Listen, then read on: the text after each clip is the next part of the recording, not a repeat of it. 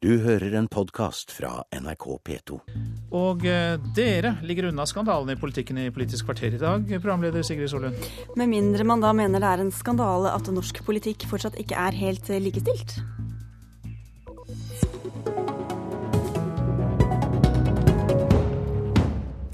For det skal handle om kvinner i politikken, og om vi er så likestilt som vi kanskje tror. Og først til en som kan få en enda mer sentral posisjon etter at Audun Lysbakken trakk seg som statsråd. Inga Marte Dorkelsen fra SV, velkommen til Politisk kvarter. Tusen takk. Ditt navn er blant dem som nevnes oftest til å gå inn i regjering. Er det aktuelt? Det har jeg ikke tenkt å kommentere. Um, vi fokuserer på vårt landsmøte nå, som er til helga. Eh, og da skal jeg eh, antagelig bli valgt som nestleder, eh, hvis landsmøtet vil det valgkomiteen vil.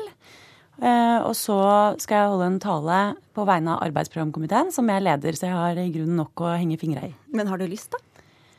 Jeg har ikke lyst til å kommentere det heller. Dere får bare spekulere i vei og kose dere med det, så får vi komme tilbake til saken. Det har vært murret litt i partiet over at Kristin Halvorsen gikk ut eh, på mandag og anbefalte at eh, Audun Lysbakken uansett velges til ny leder. Hvor sikker er du på at han blir SVs neste leder?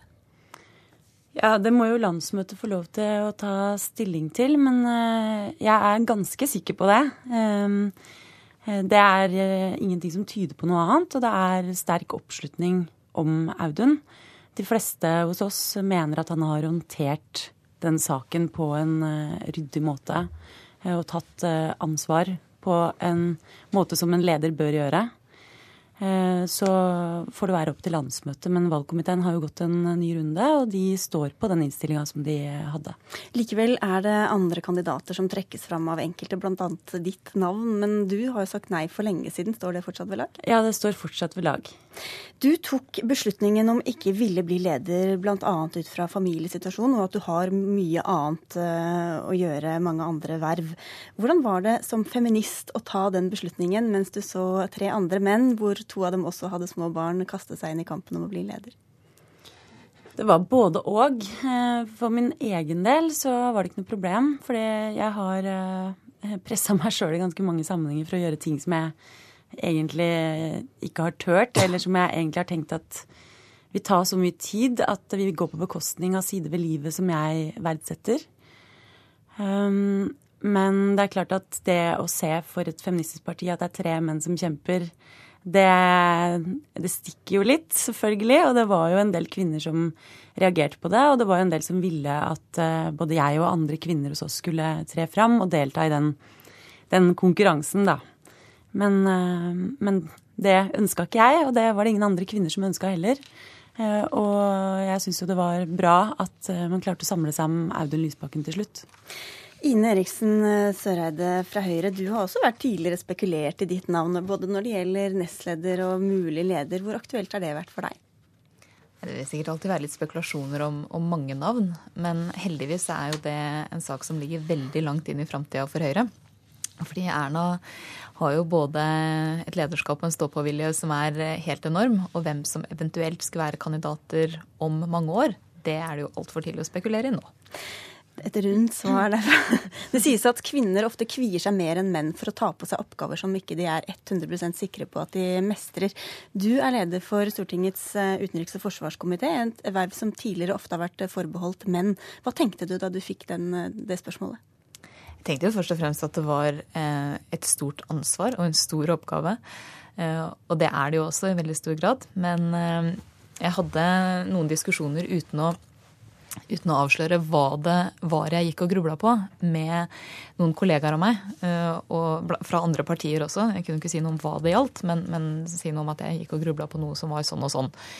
Og da var det en god kollega av meg, Erling Sande fra Senterpartiet, som, eh, som ga meg et veldig godt råd. Eh, og det var at du må huske på at det fins alltid en exit, men det fins ikke alltid en inngang. Og det syns jeg er et veldig godt råd. At det fins alltid en vei ut hvis ting skulle skjære seg. Men det skjærer seg jo veldig sjelden. Det er det som er det morsomme å oppdage når man tar på seg ting som man kanskje i utgangspunktet følte var et veldig stort ansvar. Eh, og man lærer, eh, og man lærer fort. Eh, og det gjør at man får og bygger kompetanse underveis, og det er jo det aller viktigste. Men jeg tror det er ganske riktig at mange kvinner kvier seg litt. Jeg tror det er sånn oppleves i hvert fall sånn en del ganger at mange menn ofte har tenkt på verv de kunne tenke seg å ta på seg, eller stillinger de kunne tenke seg å få, eh, og går inn i det med den innfallsvinkelen, mens kvinner ofte kanskje må, eh, må spørres litt ekstra og, og, løftes litt ekstra fram og fortelles at dette her kommer du til å klare fint. Helga Pedersen, du er parlamentarisk leder for Arbeiderpartiet og styrer over stortingsgruppa. Opplever du det samme, at kvinner kvier seg oftere enn menn? Hadde du spurt meg for noen år siden, så ville jeg helt sikkert ha sagt ja på det. Men, eh, men, min erfaring er faktisk motsatt. Og jeg opplever at vi veldig ofte sier at kvinner vegrer seg for å ta på seg posisjoner, vegrer seg for å ta ordet osv. Men min erfaring er det motsatte.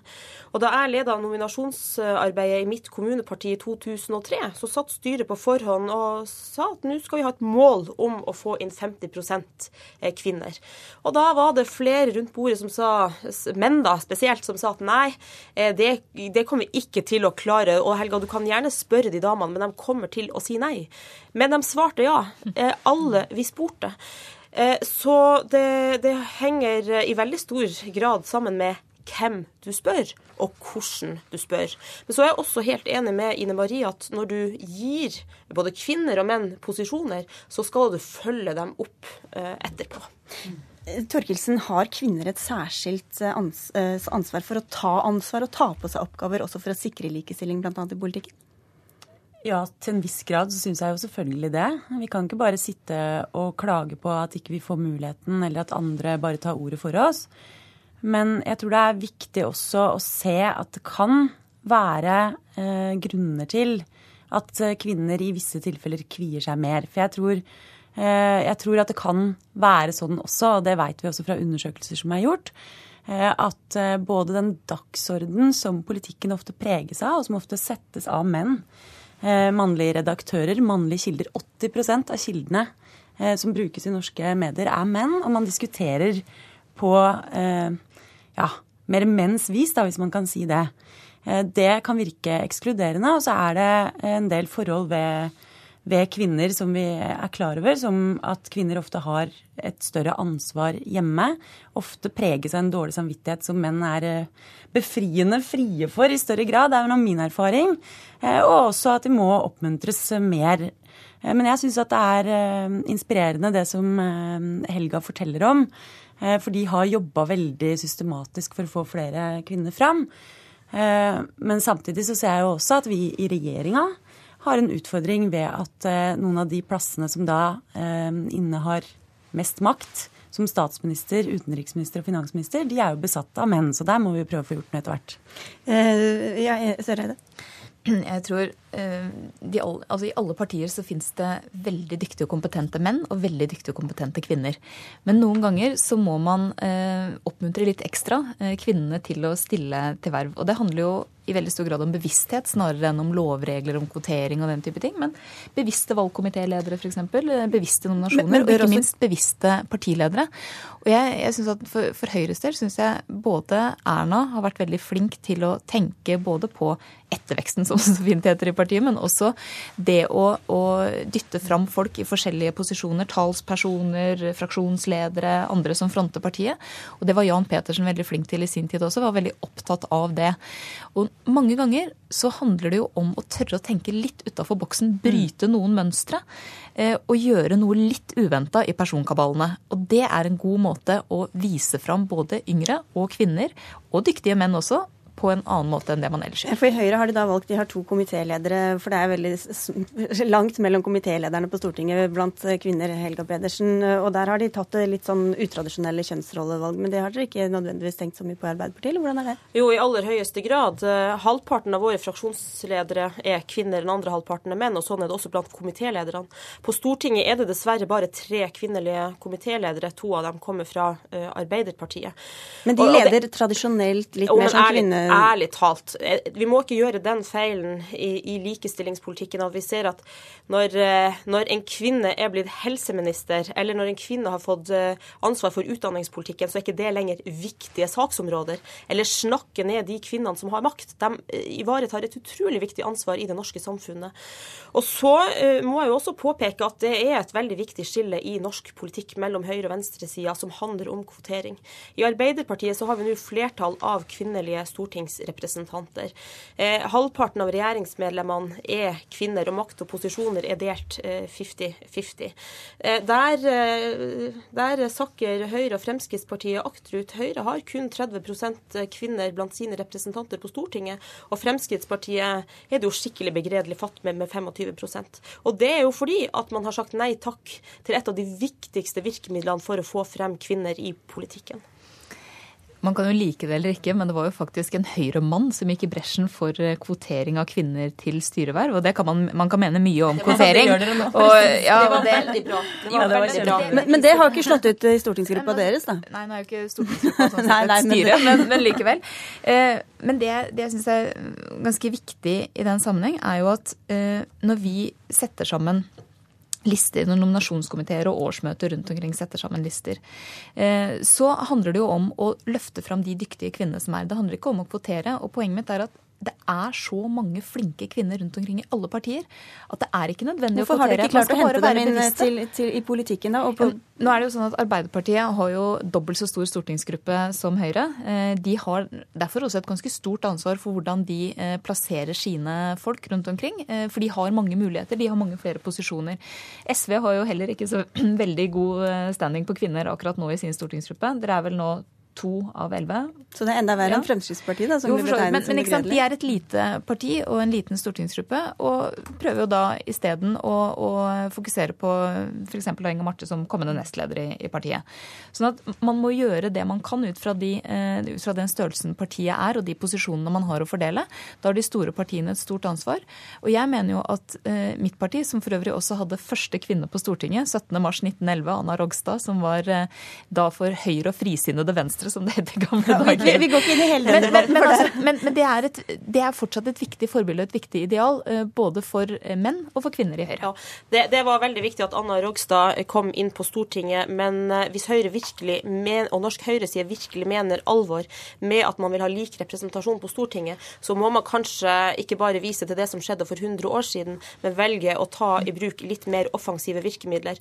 Og jeg tror ikke det grunnleggende sett er noen forskjell på kvaliteten på kvinner kvinnene i Arbeiderpartiet og Høyre, selv om eh, vi har ulikt eh, politisk eh, ståsted. Det som, har, det som skjer i politikken, og har skjedd i politikken, det er jo at det er så mange andre måter å kvotere inn menn på. Tradisjoner, holdninger, nettverk osv. Så, videre. så man trenger noe man trenger noen grep for å kompensere for det. Jeg vil utfordre Helga på én ting, og det er f.eks. kretsen rundt statsministeren. Der er det ikke mange synlige kvinner, og det har det aldri vært. Og det er en sterk utfordring. At de som sitter i ulike maktposisjoner og har nær tilgang til maktpersoner, der bør man kanskje tenke litt mer på ja, hvordan man fordeler verv. Blant eh, Arbeiderpartiet sine statssekretærer på SMK og regjeringsapparatet for øvrig, så, det, så har vi også eh, lik kjønnsrepresentasjon. Ok, men Nå må Torkelsen også få svare på den begredelige statistikken for dere. Altså, hvordan er det for feministpartiet SV å ha så få kvinner på Stortinget? Det er veldig dårlig. Eh, det har en del Eh, tilfeldigheter som eh, forklaring. Som dreier seg om hvor vi fikk inn utjevningsmandater. Eh, og som dreier seg om at kvinner som sto på topp på lister, hvor, eller i fylker som vi vanligvis kommer inn fra, de ramla ut. Men allikevel så viser jo det bare at vi er nødt til å gjøre en kjempejobb, vi. Når vi skal nominere på nytt nå om ikke så veldig lenge, fram til neste stortingsvalg, er helt uakseptabelt at eh, vi skulle ende opp med en så mannsdominert stortingsgruppe. Det kan bare ikke skje igjen. Det, vi har jo også mange, altså det er flere kvinnelige partiledere enn eh, mannlige partiledere. Er det betegnende for hvor likestilt politikken er? Altså, nå er det mange kvinnelige partiledere, og det syns jeg er kjempebra. Eh, og jeg håper jo det inspirerer til at vi får det til på nytt. Eh, og at det blir like naturlig at kvinner leder norske partier. Men er det representativt for hvordan det er lenger ned i, i rekkene? Nei, men som, eh, som, Ine Marie også sa, så tar det jo noen år før en del av de på toppen skal skiftes ut. da. Så vi får jo se hva som skjer. Men det som er viktig, det er jo at vi er aktive i å støtte kvinner i både å tørre og ville ta tunge verv. Fordi at det er noen andre betingelser som ligger der, som både dreier seg om hvordan kvinner ser på seg sjøl, og som dreier seg om selvtillit og sånn, men som også dreier seg om at det er a man's world fortsatt. Det er veldig mannsdominert. Jeg må bare spørre helt til slutt, Helga Pedersen. Da f.eks. Manuel Ramin Osmundsen eller Åslaug Haga trakk seg som statsråder, ble det sagt at kvinnelige politikere ble behandlet annerledes enn menn. Denne uka gikk Audun Lysbakken av. Det var ingen menn som sa at menn ble behandlet annerledes. Trekkes dette kjønnsperspektivet inn i utide, syns du? Ja, av og til eh, gjør det det. Eh, for når en, eh, en, en kvinnelig politiker gjør fantastiske ting, så, det, så, kan man ikke si at alle kvinnelige politikere er fantastiske. Det kan man heller ikke gjøre når en kvinnelig politiker dummer seg ut, og det gjør man aldri når det gjelder mannlige politikere. Det var det vi rakk i Politisk kvarter. Takk skal dere ha for at dere kom. Inga Marte Torkelsen, Ine Eriksen Søreide og Helga Pedersen. Mitt navn er Sigrid Solund. Du har hørt en podkast fra NRK P2.